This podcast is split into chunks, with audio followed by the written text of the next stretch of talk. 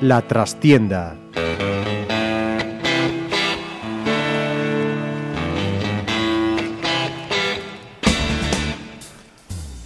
Saludos amigos, os habla Ramiro Espiño nombre de todo el equipo. Comenzamos una nueva edición en la trastienda de Pontevedra Viva Radio desde nuestros estudios en la calle Michelena de Pontevedra.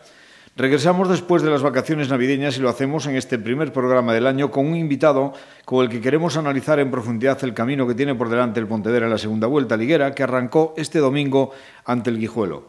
Luisito, entrenador, bienvenido y que sea un feliz año. Feliz año a todos, muchas gracias. Está con nosotros también nuestro compañero Diego Espiño, que nos ayudará en el análisis que pretendemos realizar al equipo Granate. Hola, Diego. Hola. Bueno, Luis, ¿qué tal se portaron los Reyes contigo? Bueno, bien, evidentemente muchas veces a mí yo soy eh, más de, de, regalar que de, que de recibir, pero todo lo que recibí eh, estoy muy contento y sobre todo yo lo único que quiero recibir es salud. Ya lo dije muchas veces que es lo, lo más importante que tiene que tener un, un ser humano. En el partido contra el Guijuelo te vimos cabreado, ¿eh? Sí, estaba cabreado, claro que sí. Yo no puedo ocultar que, que estaba disgustado porque el equipo no estuvo al nivel que, que yo preveía que, que íbamos a estar. Eh, después hubo cosas que, que no me gustaron. Evidentemente estoy muy, muy contento y muy satisfecho por el, por el resultado, por tener eh, a estas alturas 40 puntos. Es una puntuación tremenda, pero yo no puedo ocultar y que, que, estoy disgustado por el juego porque a mí me gustaría me gusta ganar a través de, del buen juego y sin embargo el equipo estuvo estuvo muy espeso. Yo tenía preparado eh, dos partidos. Eh, yo intuía que en la primera parte íbamos a sufrir. Tenía eh, pensado trocar cambiar de sistema eh, jugar de diferente manera pero la expulsión de ellos me, me, me hizo cambiar me hizo cambiar todo. Pero aún así evidentemente sufrimos los últimos cuatro o cinco minutos porque el equipo uh, en un córner se metió atrás y no éramos capaces de salir después salimos dos veces y fallamos dos goles clamorosos pero evidentemente a mí me gustaría ganar jugando mucho mejor de lo que lo hicimos ayer. Es evidente que la, la afición, el público futbolístico, no solo de Pontevedra, ¿eh? se acostumbra enseguida al caviar y luego, pues, cuando le dan lentejas, le cuesta un poquito más, ¿no? Sí, sí. Y ayer el, el, el público de Pasarón, que animó mucho, hay que decirlo también, pero sí que al final pues eh, no le gustaba ver al equipo con el culo tan echado atrás. Sí, yo lo reconozco. Yo, eh, eh, yo le doy parte de, razón al público. Yo soy el primero que, que, no me quiero echar atrás. Y los futbolistas saben cómo entrenamos y saben lo que hago. Ven que, que, nosotros desde el minuto uno que yo soy entrenador aquí siempre fuimos a apretar a los rivales, siempre me gustó, siempre preparo los equipos para eso, pero muchas veces también los rivales también juegan. Y yo sabía que ellos eh, lo dije ayer, este equipo si algo tiene, que le gusta tener mucho el balón, que muchas veces no te hace daño, pero evidentemente yo tenía preparado cómo apretarles. En la primera parte lo estábamos haciendo muy bien.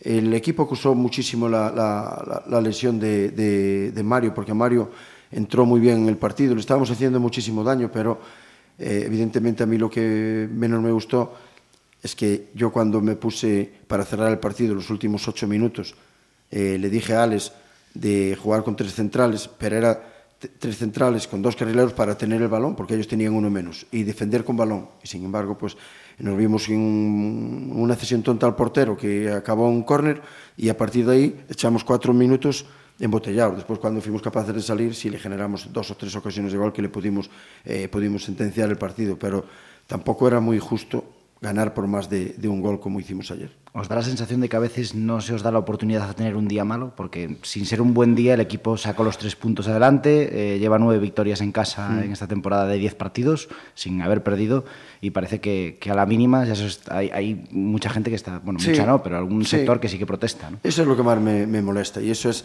eh, lo que yo tengo que defender a los futbolistas. Y yo me veo obligado a defenderlos porque es muy difícil hacer de, de 11 partidos en casa ganar 10 y empatar uno es muy, muy complicado, muy complicado. Y evidentemente, claro que tienes mm, días malos. Ayer no tuvimos un día, no fue nuestro mejor día, pero sin ser nuestro mejor día, pues cuando el equipo está pasando dificultades, como pasamos ayer, contra un rival que venía de jugar una, una eliminatoria de Copa del Rey contra todo un Atlético de Madrid, un rival que a pesar de estar en puesto de descenso, le ganó la posesión con 10, con 10, no con 11, con 10, contra el Atlético de Madrid, con todo un finalista de, de, las dos últimas ediciones de la Champions, le ganó la, la segunda parte al Atlético Madrid, le ganó 1-0, que marcó Pino. En la primera parte fueron ganando el Atlético Madrid 4-0. Ellos se quedaron con 10 y en la segunda parte le ganaron la posesión y le ganaron esa, eh, en esos 45 minutos. ¿Y por qué no nos puede pasar a nosotros? Nosotros somos un equipo más de segunda B. Lo que pasa es que este equipo, lo que sí puedo presumir es que es un equipo tan honrado, tan honesto y, tan disciplinado que a base de, de que tampoco defendimos muy bien, pero a base de muchas agallas, mucho orgullo, pues fuimos capaces de sacar un resultado que esos tres puntos pues nos vienen, nos vienen de perlas. A veces da la sensación, a mí por lo menos, que el equipo Sala pasaron tan confiado en sus posibilidades que se cree que los partidos se van a resolver por inercia. Sí, sí. Y las primeras partes muchas veces se regalan, como pasó ayer. Sí, sí, sí. Lo de regalar entre comillas. No, no, claro. sí, sí, que yo escucho a los futbolistas, yo hablo, estoy siempre con ellos en el vestuario. Y ellos tienen tanta fe en sí mismos que ellos se dan cuenta y ellos ven a los rivales que en la segunda parte los rivales sufren contra nosotros. Nosotros somos un equipo que imprimimos muchísimo ritmo y ellos se ven más poderosos que, que los rivales, pero evidentemente por aquí pasaron equipos que nos metieron muchísimas dificultades. Lo que pasa es que eh, la fe mueve montañas, nosotros somos un equipo y estos futbolistas son un grupo de jugadores que tienen muchísima fe, creen muchísimo en lo que hacemos, pero evidentemente somos un equipo más de segunda B con nuestras, con nuestras limitaciones. Pero lo más importante de todo es que sabemos lo que tenemos que hacer con balón, sabemos lo que tenemos que hacer cuando no tenemos balón.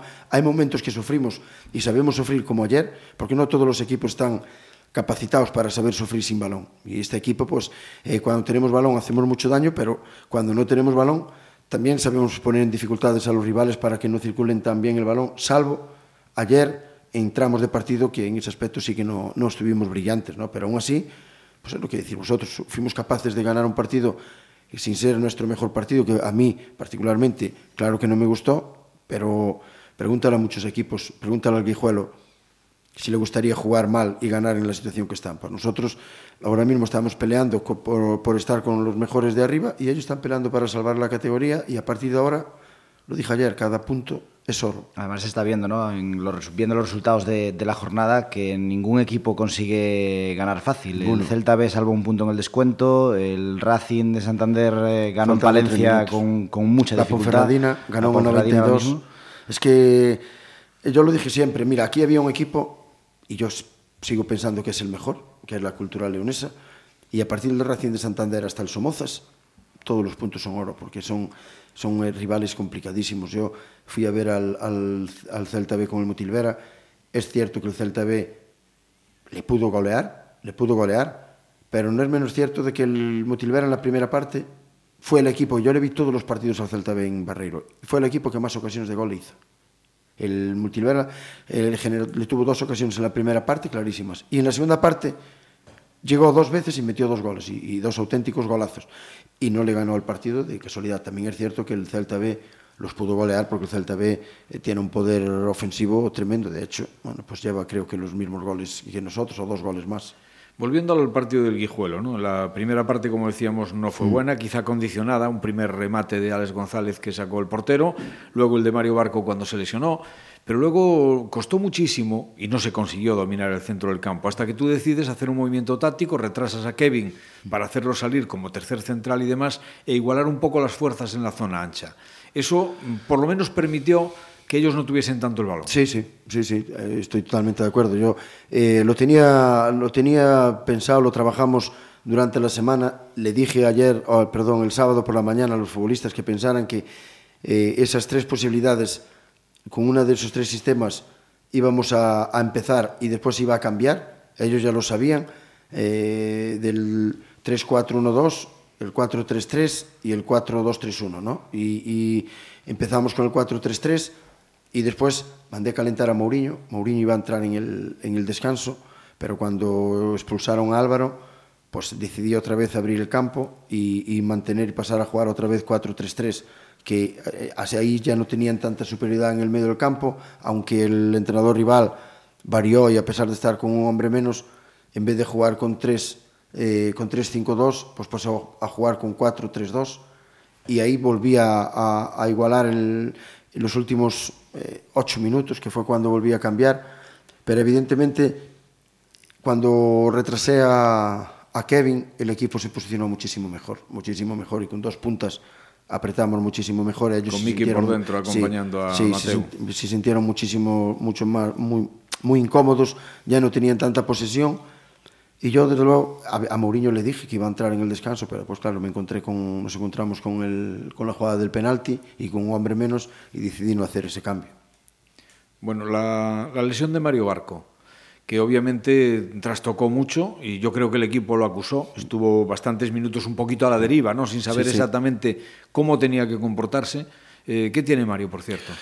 Bueno, Mario, a, a falta de hacerle más pruebas, eh, en principio no es nada, no es nada grave, pero posiblemente eh, tres, cuatro semanas no se las va. Yo hablé con el doctor hoy por la mañana y va a ser muy complicado que llegue antes de tres, cuatro semanas. Eh, para nosotros es un problema. Sí tengo que, que defender un poco a Mateo. Mateo entró sin calentar, y sufrió los primeros 20 minutos que estuvo en el campo. Después hizo una segunda parte muy, muy buena Mateo es un futbolista de diferentes eh, características a las de Mario, pero es un jugador que domina muy bien los espacios, es un jugador que sabe caer muy bien a banda, eh, tácticamente es un muy buen futbolista.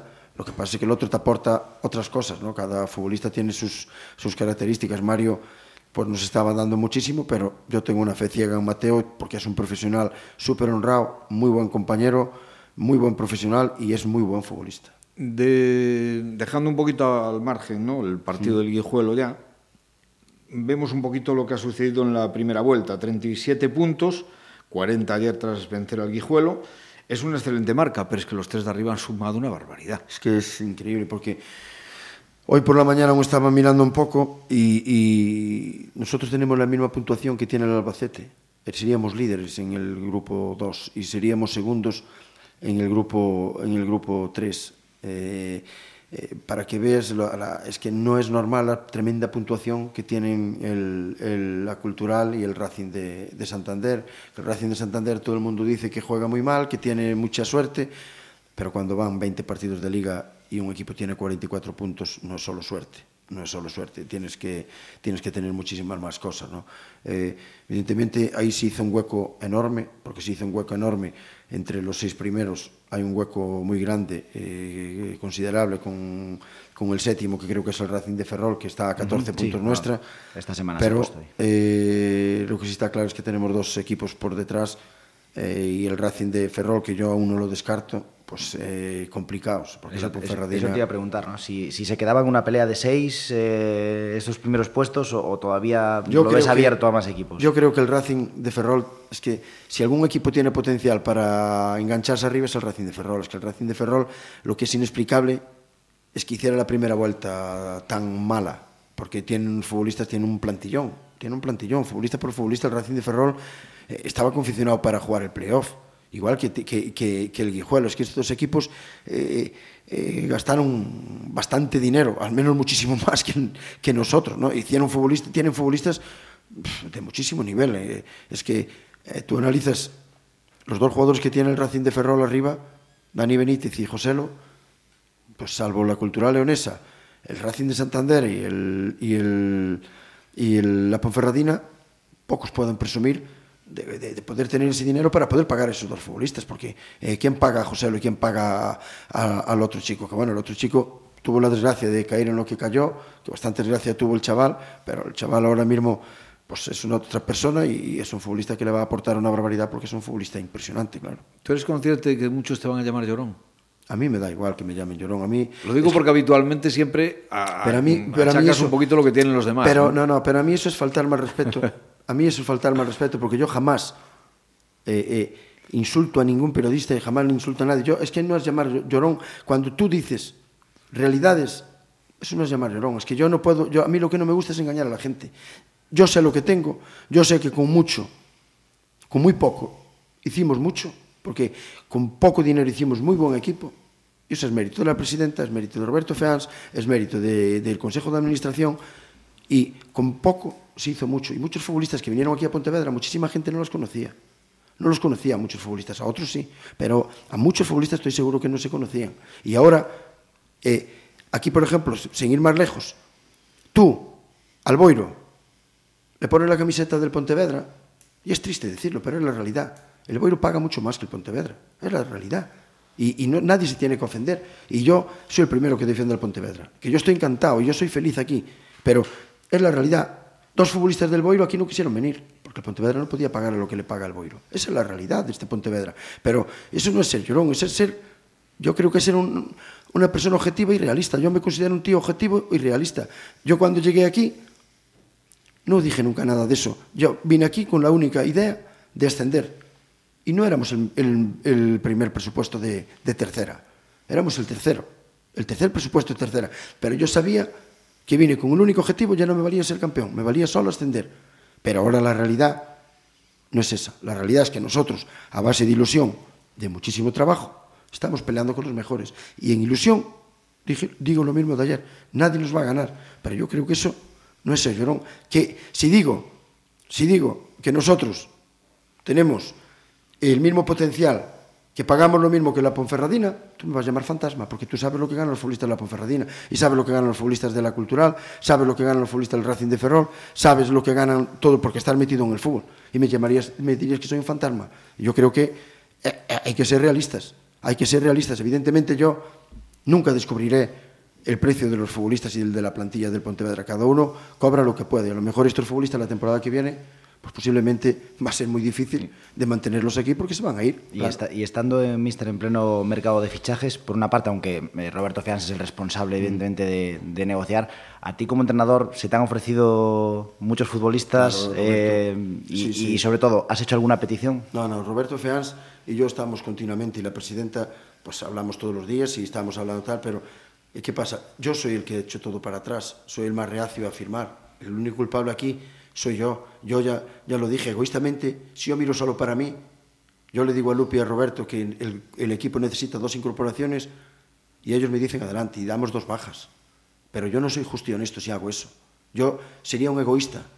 Y si soy llorón, como dice Ramiro, pues yo lo haría. No, no, no lo digo pero, yo, ¿eh? Bueno, lo dice más gente, sí, sí, no, yo, yo, ya sé. Pero pues yo lo haría. Pero sin embargo, yo me a mí, al futbolista yo lo llevo a un ritmo muy alto. Y tú me ves a entrenar y tú ves cómo llevo a los futbolistas, pero si algo, si de algo presumo es que yo con los futbolistas soy honesto. Y yo ahora mismo, sí, eh, ahora con 40 puntos, yo le digo a Roberto y a la presidenta de dar dos bajas, yo no soy justo con ese grupo humano, que se están matando y son ellos los que hicieron los 40 puntos. Y evidentemente a mí nadie me garantiza que aquí va a venir un, un, un futbolista de segunda B y va a ser mejor de los que están aquí.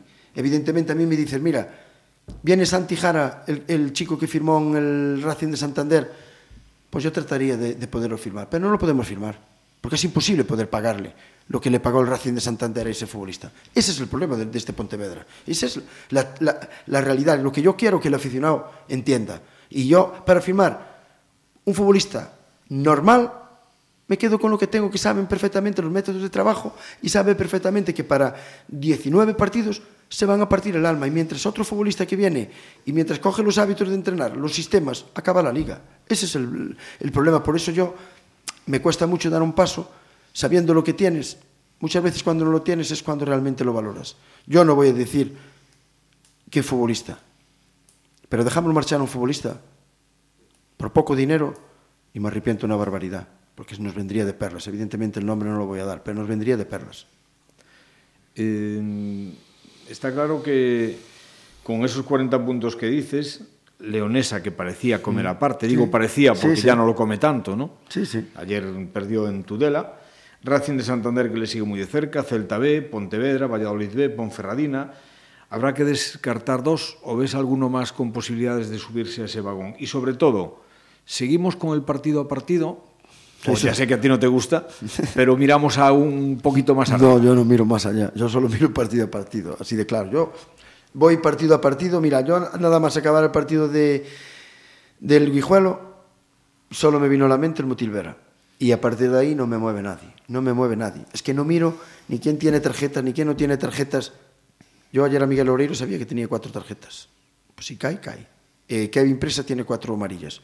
Si cae para el día del Racing de Santander, pues mala suerte. Hay otro futbolista que está esperando. Y como tengo tanta fe en todos, tengo tanta fe en todos, unos estarán mejor o peor, pero tienen tanto compromiso que a mí me hace estar súper tranquilo.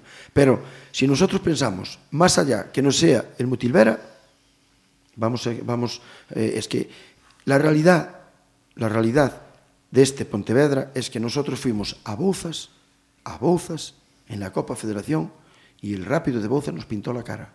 Nosotros fuimos la final de la Copa Federación contra el Arosa, el Arosa nos pintó la cara.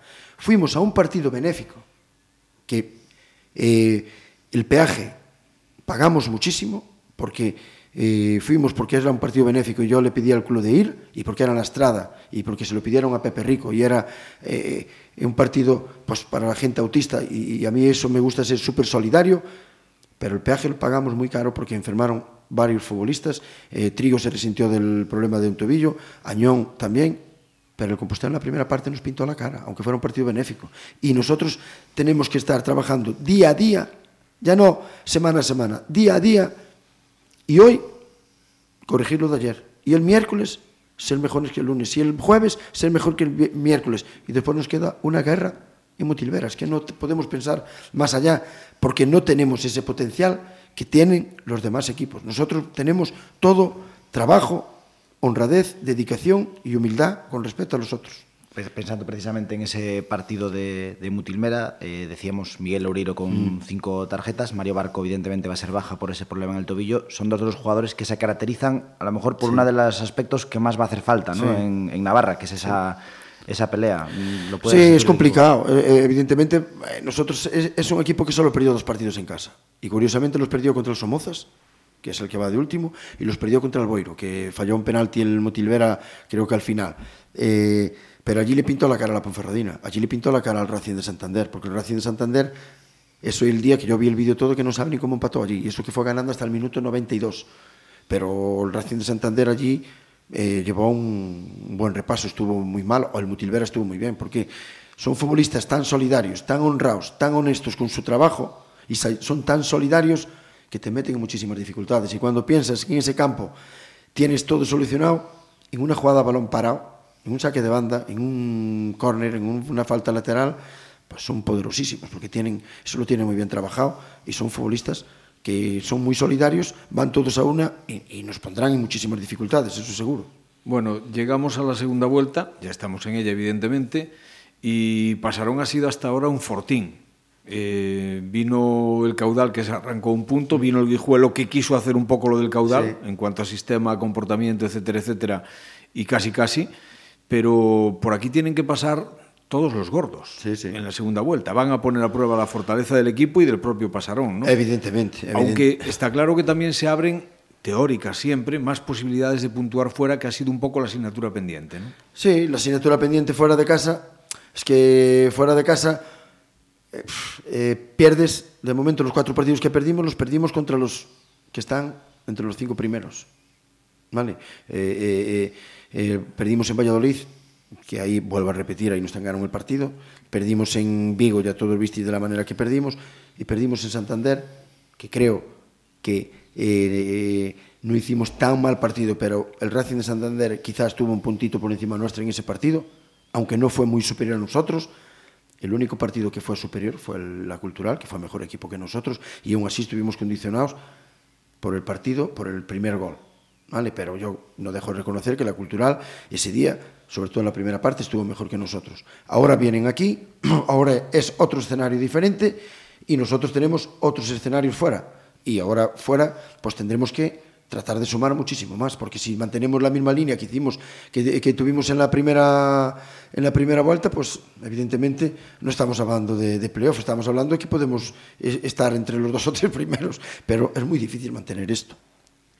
A lo mejor lo que mm, de alguna manera te condiciona a la hora de pensar en, en acudir al mercado de invierno es lo que sucedió el año pasado, que con la llegada de Hugo y de Antonio Bello se esperaba dar un salto hacia adelante y el equipo, conseguido el objetivo de la permanencia, se quedó. Ese objetivo inicial este año prácticamente está conseguido, con 40 puntos tendría que ser una hecatombe, pero a la hora de hacer movimientos en la plantilla te condiciona bastante. Sí, yo te entiendo perfectamente lo que dices. Es que ese es el problema. Mira, tú si firmas un futbolista de segunda B, un futbolista de segunda B que está siendo titular en sus equipos, no te sale.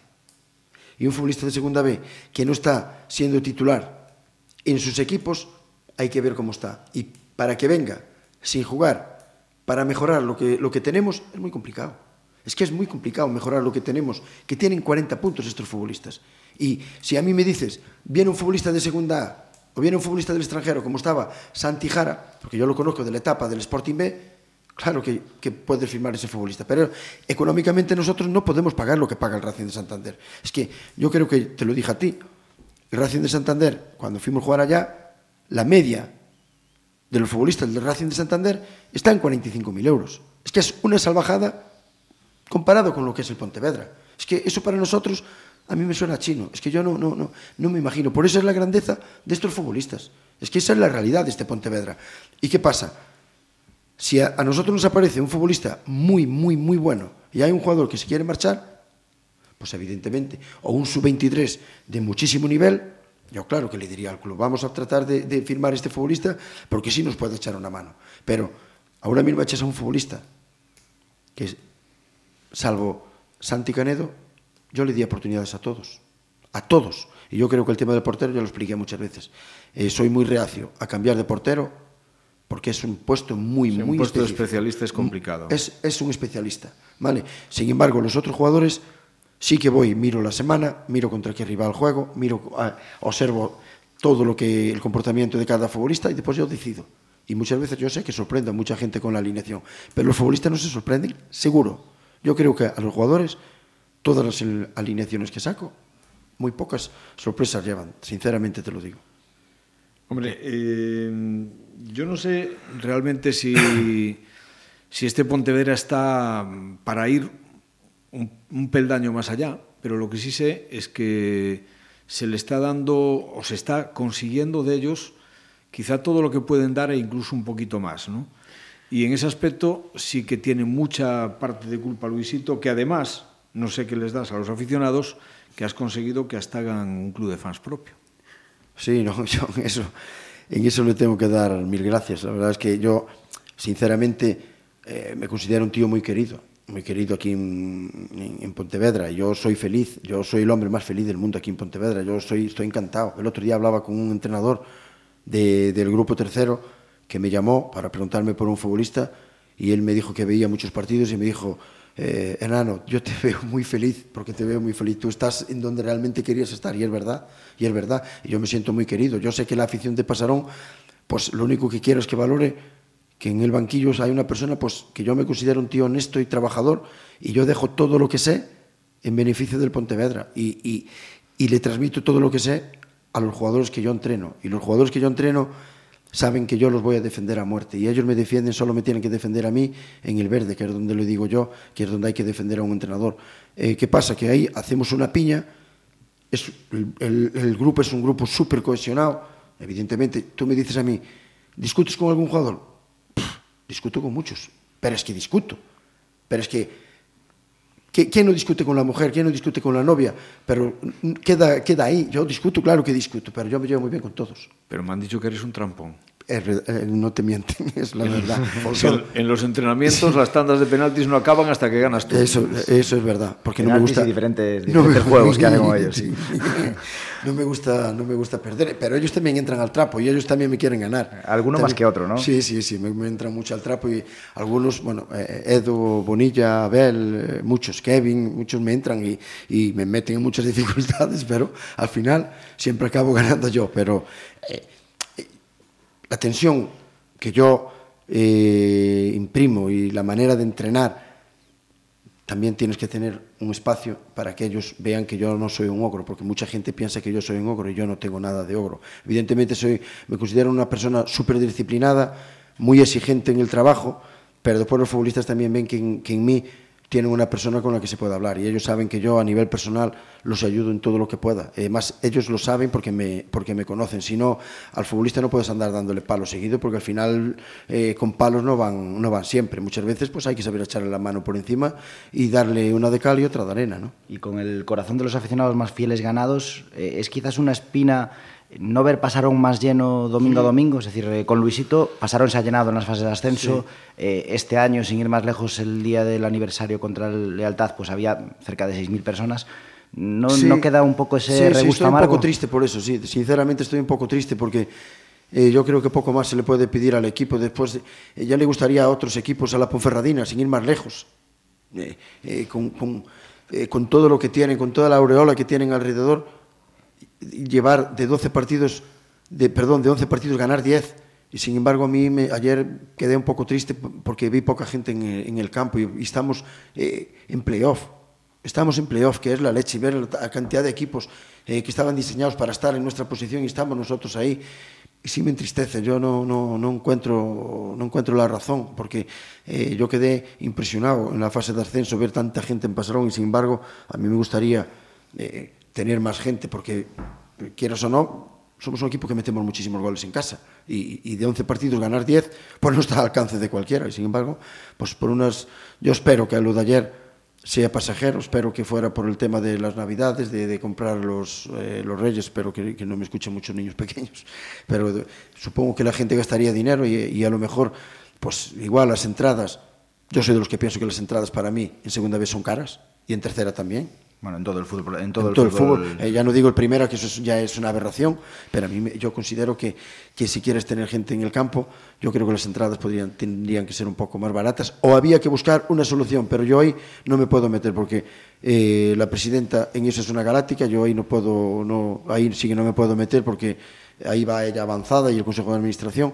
Yo doy una, una humilde opinión que yo creo que había que buscar una solución y me gustaría ver más gente en Pasarón. Bueno, vamos a ir terminando. Luisito como jugador era un cabroncete. Sí, Digo, muy- muy en, el, cabrón. en el aspecto competitivo, porque no le, Muy cabrón. no le gustaba perder ni a las chapas, y como entrenador lo sigue siendo también en el sentido de que intenta que sus jugadores sigan la línea. ¿no? Sí, vamos a ver, lo que pasa es que eh, el, el Luisito que era como entrenador, al que soy como, al que, perdón, el que era como futbolista, al que soy como entrenador, es que no tiene nada que ver, no parezco el mismo. Es que muchos jugadores que jugaron conmigo y ahora ven como soy como entrenador, soy totalmente diferente.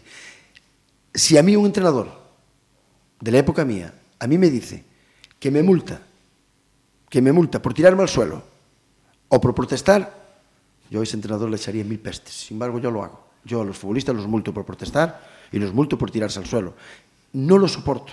Yo el futbolista, como era yo, como era yo, lo detesto.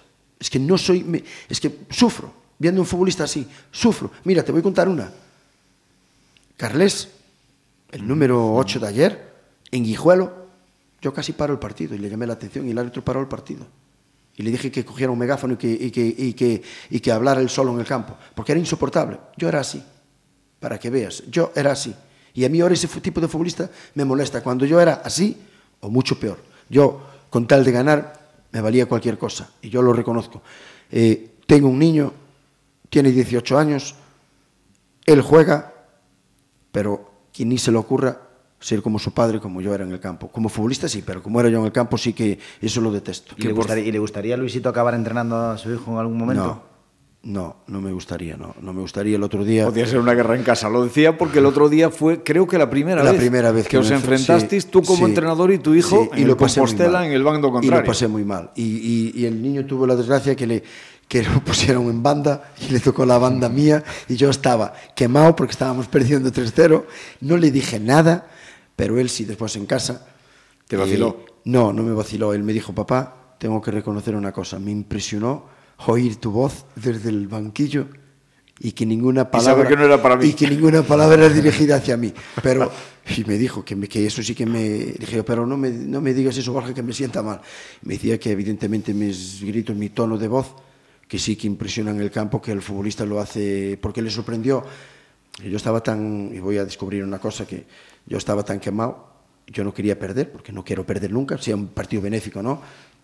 Y cuando Mourinho, estábamos perdiendo entre dos, Mourinho me pidió el cambio porque le estaban dando retortijones en, en, en la barriga, me pidió el cambio y no lo cambié.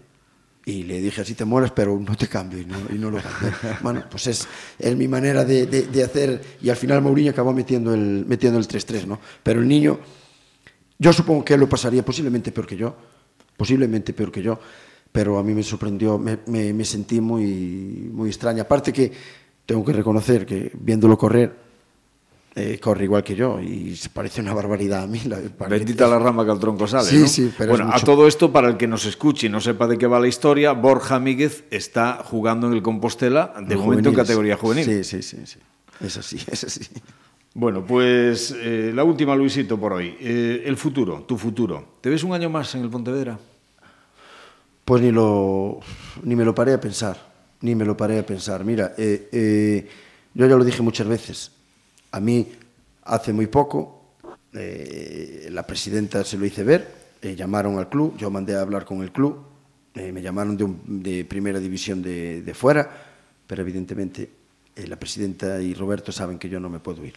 Yo hay cosas más importantes que el dinero, que mi madre, no hay dinero en el mundo que pague lo que yo quiero a mi madre. Y mientras mi madre viva, es muy difícil, salvo que mamá venga conmigo, es muy difícil que yo me vaya fuera de Galicia. Eso lo tengo muy claro, salvo eh, que ella decida venir, pero yo lo tengo muy complicado para poder salir, salvo una cosa muy, muy rara, muy, muy rara. Eh, eh, aquí en Galicia yo soy feliz en el Pontevedra, soy tremendamente feliz, soy tremendamente querido, pero lo que menos pienso es seguir. Lo que sí pienso es que no voy a echar mucho tiempo entrenando.